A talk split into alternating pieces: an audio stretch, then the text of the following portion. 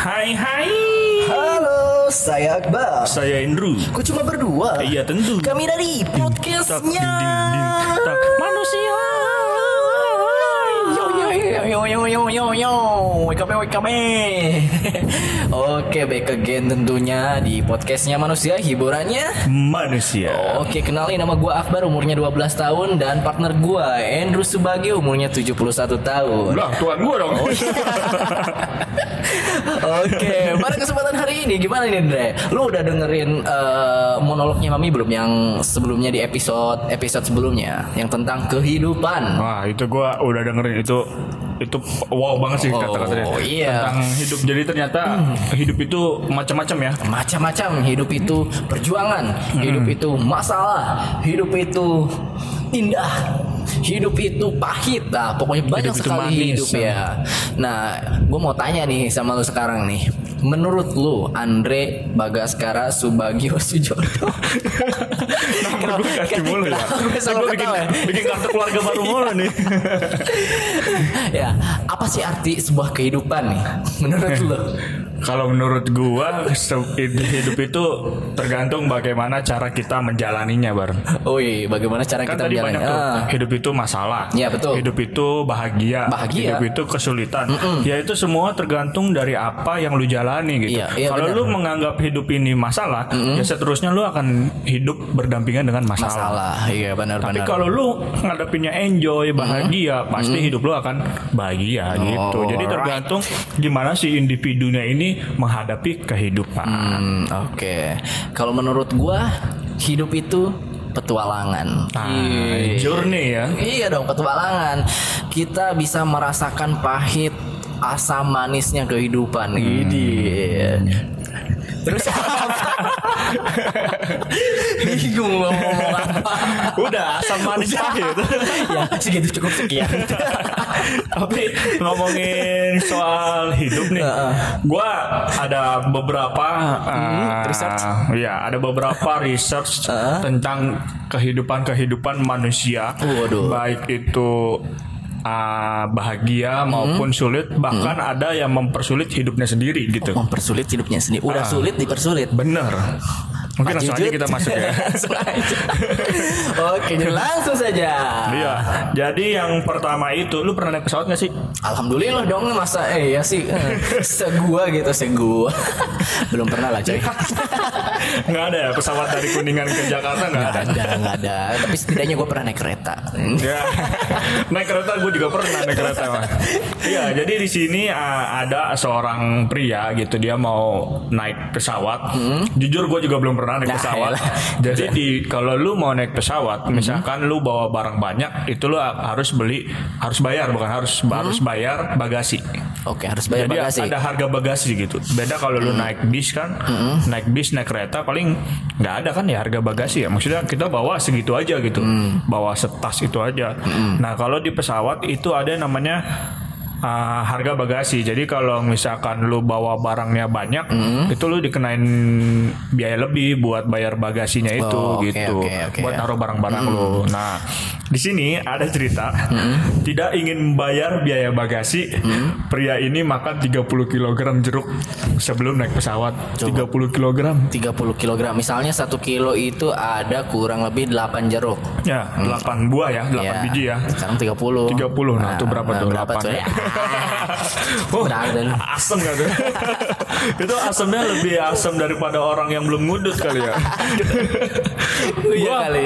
baru makan satu jeruk yang asem aja tuh nyeh nyeh udah enggak begitu siapa tuh jeruknya manis Ya juga sih. Ya, tapi tetap aja semanis manis 30 kilo gitu kan. Enggak itu habis enggak 30 kilo Habis, Pak. Emang lu lihat? Habis. Ada ceritanya. ada ceritanya. Gimana, Jadi eh, dalam sebuah ini ada video dalam sebuah video dalam media sosial ada empat orang pria nih yang baru saja Oh, melakukan Pak, 30 kg itu dihabisin sama empat orang pria. dengerin dulu. Oh, iya deh. Dengerin dulu. Iya, iya, iya. Nah, jadi ada empat orang pria nih Iya. yang baru saja melakukan perjalanan bisnis dan hendak pulang menggunakan pesawat. Biasa bisnismen, Iya. punya duit naik pesawat. Kan? Namun dalam perjalanan pulangnya ternyata oleh-olehnya berupa 30 kg jeruk dan harus membiaya membayar biaya bagasi senilai 1 juta. Hmm, itu satu juta itu semana sih? Satu juta nggak Nggak, tahu maksud gua. Maksudnya- bagasinya se- segede Ya apa? maksudnya kapasitas nggak tahu. Tapi ini 30 kilo kan berarti banyak juga. Iya. Berarti satu juta itu senilai 30 kilogram jeruk. Nah, padahal 30 kilogram jeruk itu yang mereka beli sebelumnya hanya senilai 100 ribu. Gimana gimana? Jadi jadi mereka naik pesawat. Ah. Jadi mereka beli oleh-oleh jeruk 30 kilo. 30 kilo. Tapi disuruh bayar Satu ah, juta. bagasi satu juta. Ah, Nah, padahal- sedangkan yang jeruk yang mereka beli itu yang 30 kilo harganya cepet 100 ribu. 100 ribu 30 100 kilo. ribu, iya 30 kilo. Oh, gua tahu dia mau jualan jeruk nih. Bisa jadi. Tahu nih. jadi jadi sebenarnya dia perjalanan bisnisnya itu beli jeruk. Iya. jadi, jadi lebih mahal di bagasi. Benar. Oh, Oke. Makanya jeruk kalau udah impor tuh mahal. ya. Iya benar benar benar. Nah terus setelah menolak untuk membayar biaya bagasi, pria tersebut berjalan menuju tempat sampah dan memakan satu kerdus jeruk yang beratnya 30 kilo. Gila. Enggak itu dia paling ini ngisep-ngisep airnya doang itu dia paling. Buang. Ah, buang. Jadi apa eh, ampas semua ya? Oh, iya. Satu tempat sampah isinya ampas jeruk semua. Ampas jeruk, iya benar. Gila ya? Lu bisa gak kira-kira? Eh, Enggak, kagak lah. jangan jangan 30 kilo deh, 1 kilo aja. lambung gua naik, asam lambung gua naik kayaknya makan jeruk aduh banyak banget segitu. Gimana itu? Ya emang di sini sih nggak nggak dijelasin. Tadi kan ada empat orang, Hmm. maksudnya empat empatnya bagi rata gitu kan, 30 bagi empat. Iya, daripada 30 bagi dimakan empat kan dibagi-bagiin ya se, se- itu kan bisa bagi itu. ke uh, Penumpang pengguna, lain. penumpang lain atau bagi ke staff-staffnya Iya. gitu kan, lumayan Lu gitu. dapat pahala lu itu. Mungkin dia udah kesel juga kali ya. Kesel ya. Kesel Maksudnya, dia kesel. Gue cuma beli jeruk cepek, gue disuruh Bayar bayar sejuta. bagasi satu juta kan, sembilan kali lipat Iya. gitu kan, jauh banget. Nggak balik modal itu. balik modal itu. Gak balik modal ya. Aduh, malah bangkrut. Kan kalau kayak gitu sama dengan dia mempersulit hidupnya ya. Iya. Bener kan? Tapi juga tapi juga ngapain juga gitu dia beli oleh-oleh sebanyak itu 30 kilo buat Kan gua jeruk bilang doang. dia mau jualan jeruk. Dia bilang. dia mau jualan jeruk. Iya benar benar benar. Nah, terus selanjutnya nih ini ini bagus banget. Ini Apa bagus banget. Punya 8 istri usia muda, seniman tato ini bisa hidup harmonis dalam satu atap. 8 istri berarti Itu em, cita-cita lu bukan sih, Dek? seminggu aja 7 hari. Iya iya, seminggu tujuh hari. Itu delapan Lah, istri. berarti ada yang Ya seharinya dua. sehari satu istri kan. sehari satu sehari satu Iya, iya. istri, sisa satu. Iya iya. Kan mubazir. Mending buat gua. Enggak kan? Sisa satunya mungkin lagi ini, lagi ada tamu coy. Oh iya, Bisa. lagi head ya Iya, ya. lagi ada tamu. Oh jadi jadi udah bisa di setting begitu ya. Udah bisa setting gitu. Ini tujuh nggak boleh dat- datang bulan, harus satu aja yang boleh Iya. datang bulan. nah, memiliki lebih dari satu istri atau sering itu disebutnya poligami. Iya, poligami. Nah, memang banyak yang terjadi dalam kehidupan sehari-hari. Bukan hanya terjadi di Indonesia, Hmm. namun poligami juga banyak dilakukan oleh pria dari negara lain seperti Hmm. Thailand. Waduh. Aku curiga nih kalau udah bobo Thailand nih, 8 istri bener nggak nih? Real nggak nih? iya iya iya benar Nah, benar kan benar nih. Ini Thailand benar. soalnya nih. Iya benar. Real nggak nih 8 nih? Istri bener nggak nih? ngeri nih, ngeri Nah, nih. Pasutri nggak nih? Iya. Nah, apa pasusu? Eh, Pasukan suami-suami. pas Nah, susu. eh. belum lama ini ada seorang pria Thailand yang namanya viral di media sosial, Facebook dan YouTube. Siapa tuh namanya? Enggak disebutin. Nggak Gua nggak mau nyebutin Oh. sih. Ada namanya tapi, tapi, gua tapi lu bisa nyebutinnya. Ah, bisa. Pokoknya di sini disebutin seorang seniman tato mempunyai 8 istri yang semuanya masih muda. Udah, Masih muda, 8 istri. Dan dia adalah seorang seniman tato. Hmm, banyak duitnya kayaknya nih biasanya. Bersama 8 istrinya tersebut, seniman tato dengan gaya yantra, ini gue gak tahu nih, dengan gaya yantra tradisional ini tinggal dalam satu atap dan terlihat harmonis. Hmm, Gimana ya caranya? Kayaknya kita harus belajar sama dia. Suhu. Benar ya? Kukira cupu ternyata suhu. Iya. Enggak satu atap 8 orang gitu. Itu enggak enggak enggak ada saling dengki gitu. Makanya kan gak ada, gak ada iri gitu kan. Enggak ini siapa yang risetnya? Tahu-tahuan dia harmonis. Emang dia pernah tinggal bareng gitu. Mungkin dia melihat di depan kamera aja harmonis ya. Iya, bener. Enggak tahu di belakangnya kayak gimana kan. Siapa tahu bacok-bacok kan. Nah, terus kisahnya memperistri para wanita yang kini menjadi pendamping hidupnya ini cukup sederhana, namun tidak mungkin bisa dilakukan oleh orang lain. Ya Iya. iyalah, lu menghidupi delapan istri gimana? Lu satu istri aja udah pusing. Iya benar. Tapi Enggak, maksudnya kalau kalau misalnya lu banyak duit mah ya nggak apa-apa itu oke kalau lu bisa adil gitu. seniman tato menurut lu gimana? Ya kalau banyak yang mau ditato gitu kayak kayak misalnya satu detiknya 10 juta mah. Bisa kali ya. Bisa kali. 80 juta ya. Iya. Satu istri Soalnya 10 kan juta. kalau seni itu sebenarnya nggak nggak terbayar gitu. ada, nggak ada harganya. Iya, nggak ada harganya. sesuai dengan yang si senimannya itu Iya. ya. Matok harga ya. Nah, nih ada lagi nih. Ini nyeleneh banget sih. Tapi gua aneh juga sih maksudnya ada aja orang yang mau gitu. Iya gimana? Enam benda milik seleb, selebritas, selebriti yang terjual dengan harga fantastik. Hmm, oke Nah, oke. Yang pertama nih, sejumput rambut milik Elvis Presley. Oke, sejumput itu semana? Sejumput itu kayak buntalan gak sih? kayak apa sih digumpal ya? Itu sejumput bukan?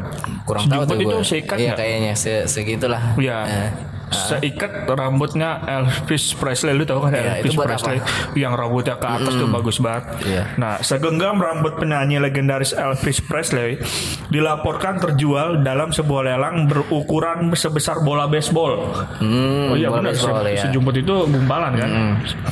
Dan disimpan dalam stoples dan toples. Rambut ini terjual senilai 72.000 koma eh 72,5 ribu dolar atau, senilai dengan satu miliar. Nah kan, gede banget itu. su- Dari rambut aja lu udah bisa bangun rumah. Iya benar. Nah lu kan habis cukur, coba Ah. lu. Bisa lu habis cukur, lu kagak ngumpulin ya itu? Iya kali ya. Lumayan. Jangan-jangan Bel, duit gua dilelang sama abang cukurnya. Iya bisa jadi. Bisa jadi ya? Apalagi kan punya lu unik, kriwil-kriwil. iya ya.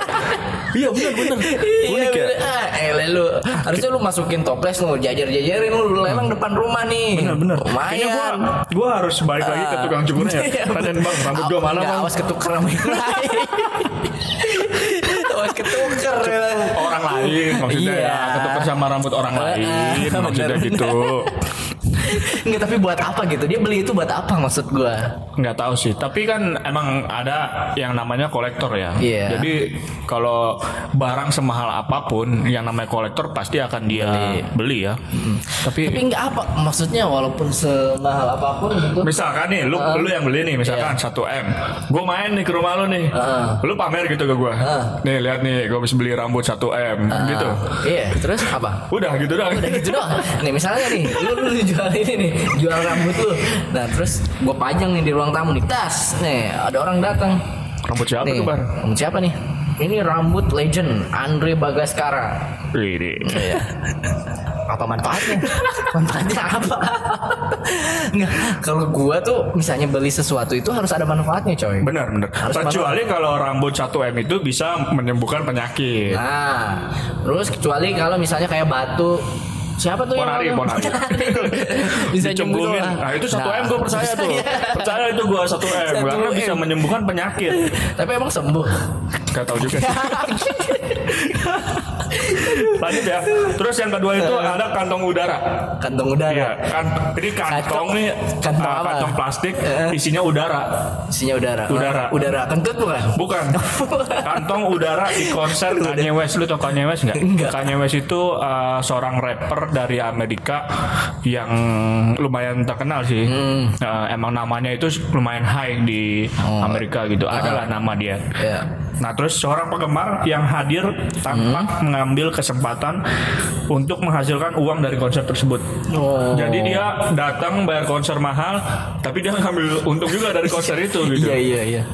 Jadi ibaratnya Nah. sekali eh, apa nyelam sambil minum air gitu. Bener. nah, dia tampak mempersiapkan kantong plastik Ziploc lu tau kan yang ada bisa di apa namanya? Yang Iya, ujungnya ada merah-merahnya, iya, iya, iya. bisa di kayak selotip gitu lah ya. Nah, dan memberi label Air from Donda Drop dan menjualnya di eBay. Hmm. Jadi dia uh, udah jadi sebelum berangkat dia udah nyiapin kantongnya Ziploc itu Hmm. buat ngambil udara dari Kanye West gitu. Emang si Kanye West ini tampilnya di mana gitu kan? Maksudnya apakah dia konser di Mars gitu kan? Jadi lu bisa mengambil, wih udara Mars nih, yoi. Kalau gitu gue mau ngumpulin plastik nih, gue mau ngumpulin udara pegunungan.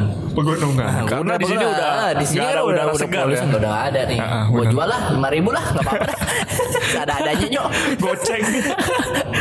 nah, tak tanggung-tanggung kantong udara tersebut dijual dengan harga fantastis yaitu 3.330 dolar atau setara dengan 47,8 juta. Nah kan, ya nggak apa-apa lagi fungsinya. Lu datang konser taruh lah kalau konser Kanye West 1 juta ya ibarat. Lu udah untung 46 juta. Iya. Cuman gara-gara kantong udara.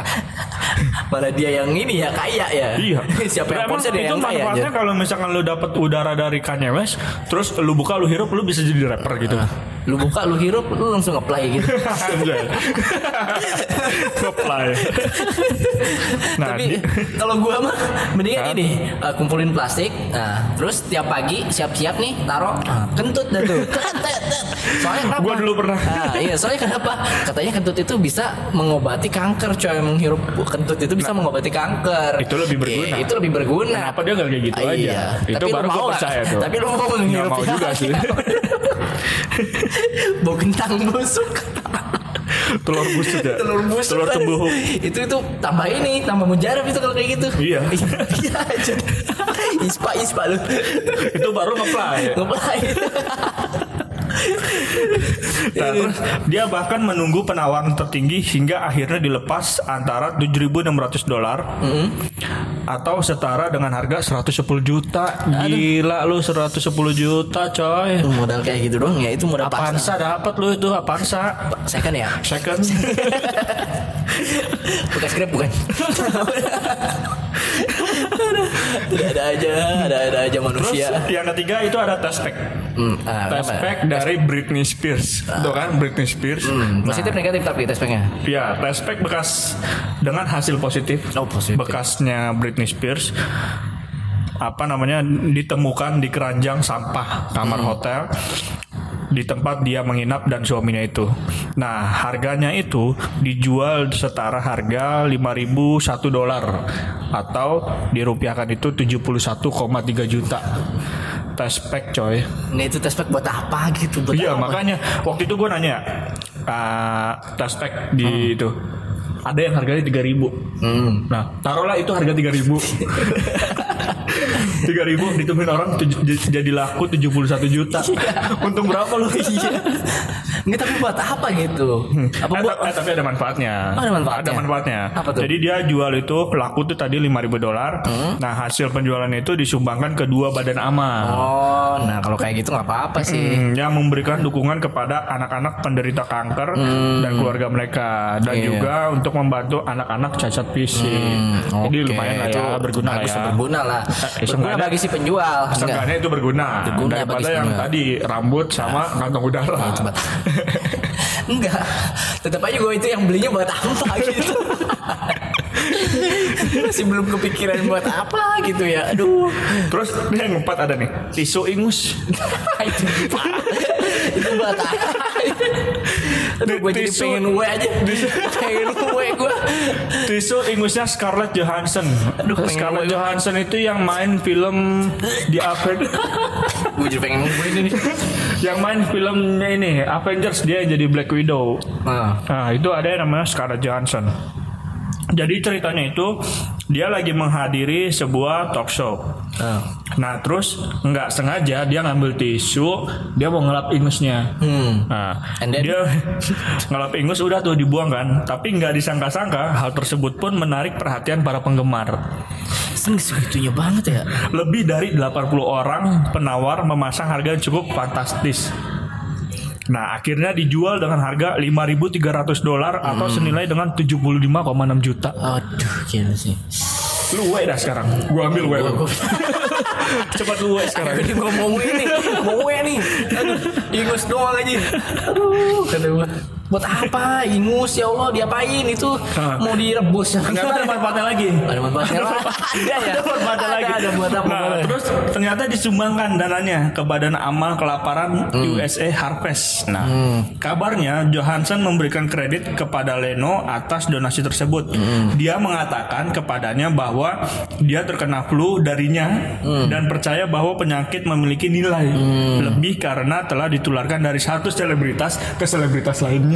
Ya benar benar benar. Jadi lu bersin, gue ketularan, gue mengandung nilai gitu. Nah ini lebih bagus ya. Kalau sekarang kan di sini bersin harus pakai masker Oh, gitu. Kalau misalnya berarti bersin, wah. Nah, bersin- bersin lu- aja lu gitu. jadi kaya lu. Gue ketularan Brad Pitt nih.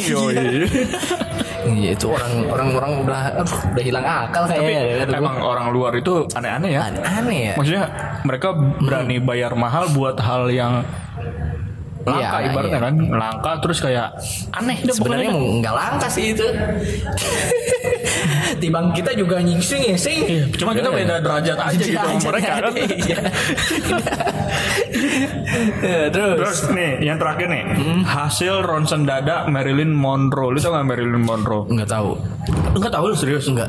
Kagak tahu? Enggak. Marilyn Monroe itu dulunya artis bara artis di Amerika yang dikabarkan pernah dekat sama presiden pertama kita Presiden Soekarno. Emang dia kak Tua katanya- dong ya? Udah udah meninggal. Oh udah meninggal Udah ya. meninggal. Gua nggak tahu. Dia itu uh, emang kat- pada zamannya itu adalah wanita tercantik di dunia. Marilyn Monroe. Oke oke. Makanya semenjak tapi dia meninggalnya itu gara-gara overdosis Oh, obat-obatan. Gue nggak tahu. Makanya dari situlah muncul kata-kata jika cantik membuatmu bahagia, kenapa Marilyn Monroe overdosis? Gitu. Iya benar benar benar. Kan berarti kan dia Nah, bahagia. iya iya benar. Nah terus, nah dia jadi eh, mau ini nih dirawat. Dia kan jadi dirawat nih si Marilynnya ini di rumah sakit ada di daerah Florida. Terus dia mau dioperasi, tapi sebelum dioperasi itu dia di ronsen, di ronsen dulu. Ternyata ada tiga set hasil ronsen yang dibanderol dengan harga 45.000 ribu dolar atau setara dengan 641 juta. Hmm. 600 buat hasil ronsen dada. Buat ini kali ya. Belum hasil ronsen yang lain-lain ini kayak kepala gue nih benjol. kepala gue benjol, gue ronsen laku berapa ya kira-kira ya? lumayan lumayan buat dipajang nih jadi payah nih jadi payah. Demi memindahkan kursi gym seorang pria kepalanya benjol. Untung aja gak bocor ya Iya, bocor, untung bocor. bocor ya ya ya. ya terus Terus yang terakhir nih, yang terakhir ini ini berita agak sedih sih sebenarnya. oh, sedih Eh, kenapa tuh apa namanya? Kayaknya sih ini mungkin ah, sangkut pautnya sama kepercayaan ya. Jadi ah, ini judulnya itu ibu hamil ini kepalanya dipaku agar melahirkan anak laki-laki. Nah kisahnya pilu. Gimana Jadi- kepalanya dipaku biar ngelahirin anak laki-laki Iya. ngaruh gitu Nah ini gue ceritain dulu. oh, oke Sebuah kisah pilu datang dari seorang ibu hamil dari Pakistan yang ingin melahirkan anak laki-laki. oke Nah, terus datanglah nih seorang tabib. Gue nggak tahu nih tabib ini mungkin kayak dukun apa ustadz kali ya. ya semacam Tabib ya semacam itulah pokoknya. Seorang tabib palsu meyakinkan seorang wanita hamil bahwa ia akan melahirkan seorang putra bila memiliki paku logam yang dipalu ke tengkoraknya. Hmm, Jadi uh, menurut kepercayaan sana, kalau lu mau punya anak laki-laki, kepala lu itu harus dipalu, harus dipaku gitu. Kalau di sini, kalau kepala lu ada pakunya, berarti lu kuntil anak. serius, serius, serius. bapak. serius kalau kepala lu ada pakunya berarti itu lu kuntil anak gitu. Meski terdengar tidak masuk akal, wanita ini pun me- memaku kepalanya dengan paku logam dan mendapat cedera yang serius dari aksinya tersebut. Ya iyalah lu namanya kepala kan tengkorak nih gua aja yang benjol aja sakit. Gimana yang dipaku? yang kena kursi aja aja sakit Iya, yang kena kursi aja sakit. Gimana dipaku Enggak, kan? enggak masih aja gitu mempercayai kayak yang kayak gitu-gituan gitu maksud gua. Akhirnya setelah dipaku itu dia dilarikan ke rumah sakit. Nah, ia pun menjalani operasi pencabutan paku dari tengkoraknya. Kasus ini pun menjadi serius dan saat ini tengah ditangani oleh kepolisian setempat. Tapi dia ngelahirin apa? Anak laki-laki apa Nah. perempuan? sebelumnya ia diancam oleh suaminya bahwa akan diceraikan bila tidak melahirkan anak laki-laki. Salah suaminya juga sih. Iya, padahal mah kita terima apa aja lah ya. Mau Iya, cewek mau cowok gitu ya. Nggak usah se apa ya se ekstrim itu gitu maksudnya udah terima aja lah gitu kan. Nah, seperti yang dialami oleh wanita Pakistan ini, selama menikah dia tuh udah punya dua anak sebenarnya. Nah, itu Tapi dua anaknya itu perempuan. Nah, namun dalam kehamilan ketiganya ini dia diancam oleh suaminya untuk melahirkan anak laki-laki. Oh, Karena kalau melahirkan anak perempuan lagi bisa jadi ia akan diceraikan. Gitu. Kan oke. sedih banget ya. Ini yang dinamakan hidup itu sedih gitu. nah hidup itu masalah. Hidup itu masalah. Terutama pada suaminya. nah, akhirnya karena dia takut akan diceraikan, wanita ini pun datang kepada tabib yang memberikannya sebuah saran tidak masuk akal. Hmm. Iya, kayaknya tabib itu dukun deh di sana ya. Iya bener Kayak ya semacam gitulah Orang pinter lah Orang pinter. Orang pinter Tahu deh S2 pasti Soalnya favorit nggak tuh? Tahu dah Ya Dalam kejadian ini awalnya tidak ada yang melaporkan kepada pihak berwajib. Namun karena kejadian ini viral di media sosial, akhirnya kepolisian membuat penyelidikan untuk mengusut pelaku. Aduh ada-ada aja ya Setuju hidup untuk dipaku kepalanya, wanita ini melantunkan nyanyian sebelum alami cedera. Apa tuh Jadi nyanyi pada awalnya wanita itu mengatakan kepada dokter bahwa si tabib ini telah menginstruksikannya Untuk penyanyi Iya, untuk menyanyikan beberapa nyanyian sambil menanjapkan paku panjang ke kepalanya. Jadi lu lu kok paku di kepala tapi lu nyanyi ya. Orang menangis disuruh nyanyi ya Iya, Ya, Tapi makanya. dia bisa gitu ya Hmm, tapi dia nggak sadar. Namun dia, dia tidak tahu bahwa ya? paku tersebut udah dipalu oleh seseorang hingga akhirnya menancap di tengkoraknya gitu. Nggak, kok bisa ya? Apa itu semacam mantra ya? Ya kali Jadi Dihipnotis kayak kali ya? iya, mungkin dihipnotis biar nggak terasa sakit gitu ya. Tiba-tiba udah, dah beres silakan besok laki-laki ya. Aduh belum tentu juga ya laki-laki iya, belum tentu juga Itu laki-laki. keluarnya apa? Lu udah tahu belum? Apanya? Dia keluarnya apa? Cewek apa cowok? Belum, belum, Oh, belum ada terusannya. Nanti belum part ada. 2. Iya. Kalau rame lanjut ke part 2. Tapi lanjut ya. Ya gua nunggu nih eh, episode sebelum eh, selanjutnya ya gua tunggu. komen sebanyak-banyaknya lanjut part 2. Makan tidak, makan tidak, makan tidak, makan.